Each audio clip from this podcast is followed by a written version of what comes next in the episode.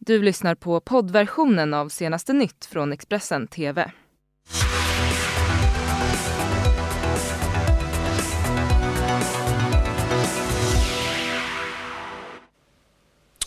Hej och välkomna till senaste nytt med mig Anton Gymark. Det här är våra topprubriker. Polis skadad efter nytt tumult i Kronogården i Trollhättan. Allt talar för att de konservativa tagit en förkrossande seger i det brittiska valet. Nu är Brexit nära. Och Malmö FF tar Europa med storm. Igår slog man Köpenhamn och vann sin Europa League-grupp. Ja, välkomna till senaste nytt. Ett flertal personer har på torsdagskvällen skjutit raketer och kastat bangers i Kronogården i Trollhättan. Det var drygt 20 personer som samlades på torget, säger Göran Karlbom som är polisens presstalesperson. En polis har skadats efter att ha fått en flaska i huvudet och sju personer har omhändertagits. Ingen är delgiven misstanke om brott, säger Magnus Nordqvist som är vakthavande befäl vid polisen i Region Väst. Boris Johnson och hans parti Tory gjorde en oväntad storseger i det brittiska valet igår kväll. För oppositionen Labour ser det ut som att det blir ett katastrofval och ledaren Jeremy Corbyn meddelade i natt att han nu avgår. Tories ser ut att vinna en klar majoritet i det brittiska valet med 368 av parlamentets 652 platser. Detta är enligt en vallokalsundersökning som presenterades när vallokalerna stängde klockan 23 svensk tid. Så här sa Boris Johnson själv när han mötte pressen i natt. You all very much. And listen, I don't want to, I don't want to tempt fate because clearly lots of results are still coming in and we're still only dealing with projections. But at this stage, it does look as though this one nation Conservative government has been given a powerful new mandate to get Brexit done. And not just to get Brexit done, but to unite this country and to take it forward and to focus on the priorities of the British people and, above all, on the NHS. I want to thank the people of this country for turning out to vote in a December election that we didn't want to call, but which I think has turned out to be a historic election that gives us now, in this new government, the chance to respect the democratic will of the British people, to change this country for the better, and to unleash the potential of the entire people of this country. And that is what we will now do, and if we are lucky enough to be returned as the polls, as the exit polls seem to suggest, then that work will begin tomorrow. Thank you all very much. Or rather, I should say not tomorrow, today. Today.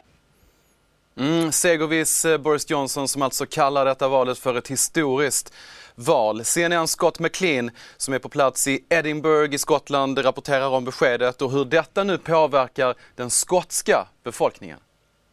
This is a remarkably disappointing result for Labour leader Jeremy Corbyn, uh, his left wing opponent, the leader of the opposition, who had sprung up in the polls just in the last couple of days, and he was hoping that. That his party could prevent a conservative majority. That doesn't look like it's going to happen. There is also a massive story based on this exit polls here in Scotland, where uh, SNP, the Scottish National Party, the party uh, advocating for Scottish independence, uh, they are on track to win 55 of the 59 seats here in this nation. They haven't come even close to that number uh, since 2015, a year after the Scottish independence referendum was narrowly voted down by Scottish people. And so it was possible, some people had predicted that in the event of a minority government or a hung parliament, as they say, that the SNP could hold the balance of power. That doesn't look like it's going to be the case, but it just seems to exacerbate the divide in this country between those who voted for Brexit and those who voted to remain in the European Union. Scotland, of course, voting strongly back in 2016 to remain in the European Union, and so perhaps this is also exacerbating the divide between Scotland and the rest of the UK. Storsegern för konservativa Tory har för en del kommit som en överraskning. Eh, Mark Brolin som är omvärldsstrateg, författare och brexitförespråkare förklarar här vad framgångarna kan bero på. det är ju en större seger än vad man har trott i opinionsmätningarna. Men det kan väl, det är inte helt oväntat så tillvida heller, förutom opinionsmätningarna så kan man väl säga att vinden har ju vänt åt, Corby, äh, åt Boris Johnsons håll under det senaste året. Jag tror bland annat det handlar om att eh, Remain-sidan har väl förlorat lite trygghetsfrågan som man hade, faktiskt hade ett försprång i även under folkomröstningen. Jag, jag tror man kan säga att Liv-sidan ledde demokratifrågan, att man tyckte att det var demokratiska problem med EU. Man ledde också förtroendefrågan, att man hade kanske begränsat förtroende för nationella politiker men man hade ett ännu svagare förtroende för EU-politikerna. Och det gäller fortfarande. Däremot hade, man, hade nog eh, Livsidan eh, eh, eh, inte ett försprång på ekonomisidan. Även många Livväljare liv, menade att det skulle kosta att lämna EU. Eh, och, eh, men man, man, man ansåg att det är priset värt att betala, men man tyckte att, att det var en, en negativ sak. Och sen har vi då stabilitetsfrågan. På den tiden ledde även Remain-sidan stort på den sidan. Man tänkte att det här kommer att bli bökigt med, med eh, Brexit. Men man röstade ändå för att man trodde, man röstade ändå på utträde för att man, man prioriterade demokratifrågan och förtroendefrågan högre. Men idag så tror jag inte att eh, Remain-sidan leder på några av de här fyra punkterna. Demokratifrågan och förtroendefrågan är som tidigare, där leder livsidan. Ekonomifrågan, där är man inte lika orolig längre. Man tror inte, det, det var lite för mycket Project Fair inför folkomröstningen. Man påstod att ekonomin skulle rasa omgående redan alltså på omröstningsdagen ifall man röstade på utträde. Nu skedde inte det och nu har det gått ett par år till. Och man är inte så orolig som man var förr. Så ekonomifrågan har tappat i betydelse och därmed har ju Rumänfrågan tappat eh, Remain-sidan tappat, tappat eh, sin, eh, sitt försprång på den sidan. Och även stabilitetsfrågan, där har, de, där har det vänt. Man menar nu att det är större osäkerhet att stanna kvar eh, i EU än att lämna EU. Så det är väl de här tendenserna har varit under Jag skulle påstå att stämningsläget räddat ganska, ganska dramatiskt under senare året och kanske ännu mer under senaste halvåret i Boris Johnsons riktning. Vi ska lämna brittiska valet nu och det återkommer vi såklart till eh, Eh, framöver. Uppmaningar om att spränga moskéer, skjuta afrikaner och önskningar om fler Anders Bering Breivik. Det är vad den antirasistiska tidningen Expo hittat i en granskning av slutna SD-vänliga grupper på Facebook. Expo har hittat, eh, tittat på 11 grupper där både namnet och beskrivningen gör gällande att de är till för personer som delar Sverigedemokraternas värderingar. I dem har man hittat totalt 240 grova avhumaniserande inlägg.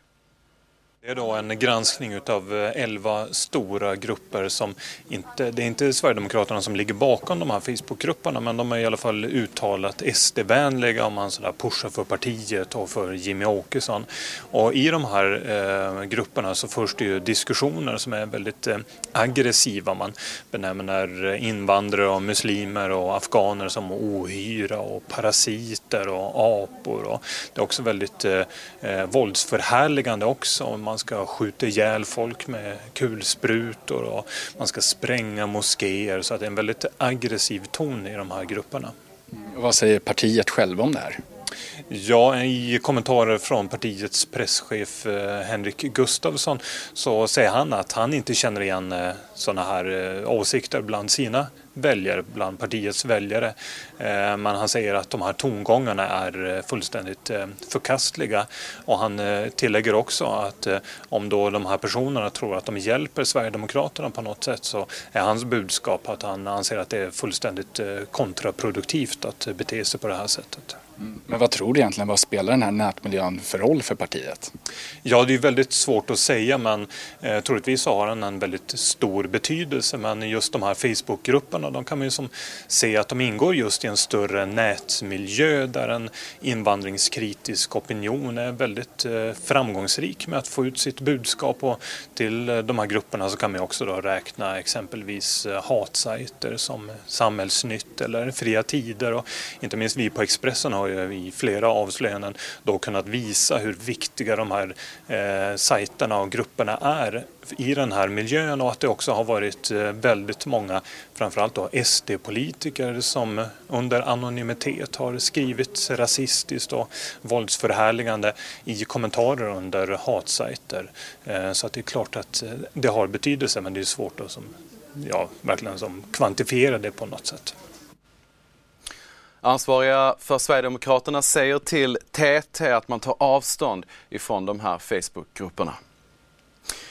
Malmö FF fortsätter att erövra Europa på fotbollsplanen. Igår slog man regionkonkurrenten FC Köpenhamn i en avgörande gruppspelsmatch. Man vann med 1-0 och, gick, eh, och efteråt så gick såklart snacket om att eh, forwarden Marcus Rosenberg nu gjort sin allra sista match för MFF. Jo, men jag sa det innan. Huvudet vill spela fotboll till jag är 50. Men till slut kommer man till en punkt där det inte är realistiskt för kroppen. Så jag har inte i mig en försäsong till. Så, så därför är det inget, inget val. Liksom. Den ena spelaren efter den andra har ju stått här och sagt att de kommer göra allt för att försöka övertala. Ja. Är, det, är det lönlöst eller? Ja. Nej, men de har väl inget annat val än att säga det. Nej, det, var, det blev ett väldigt bra slut och man ska inte gapa efter för mycket. Så att, jag är otroligt glad över det här året. Vad tror du laget har för chanser nu som, som sidat i 16-delen också? Ja, det bör ju bli en bättre lottning än senast. Uh, bli av med alla Champions League-lagen. Du kommer väl, möter väl en tvåa. Mm. Uh, sen är det otroligt bra lag i Europa League nu för tiden. Så att, uh, men uh, slår du FCK borta och Kiev hemma ska du ha bra chans mot uh, de flesta grupptvåorna. Om du, när du kom till Florida där för fem år sedan nu, om du hade fått skriva sagan om din återkomst till Malmö FF så, mm. hur, hade du, hur hade du avslutat den? Ja, det hade väl avslutat den som, som idag kanske.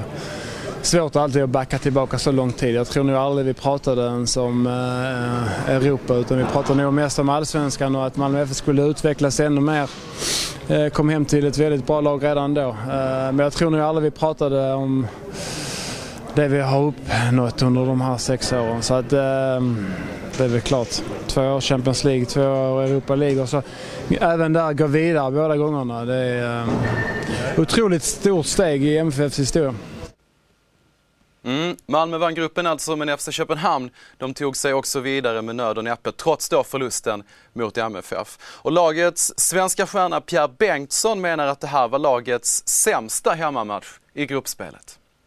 Pierre Bengtsson efter förlust här mot Malmö FF så är ni ändå vidare i Europa League till 16-delsfinal. Liksom, hur går känslorna kring det?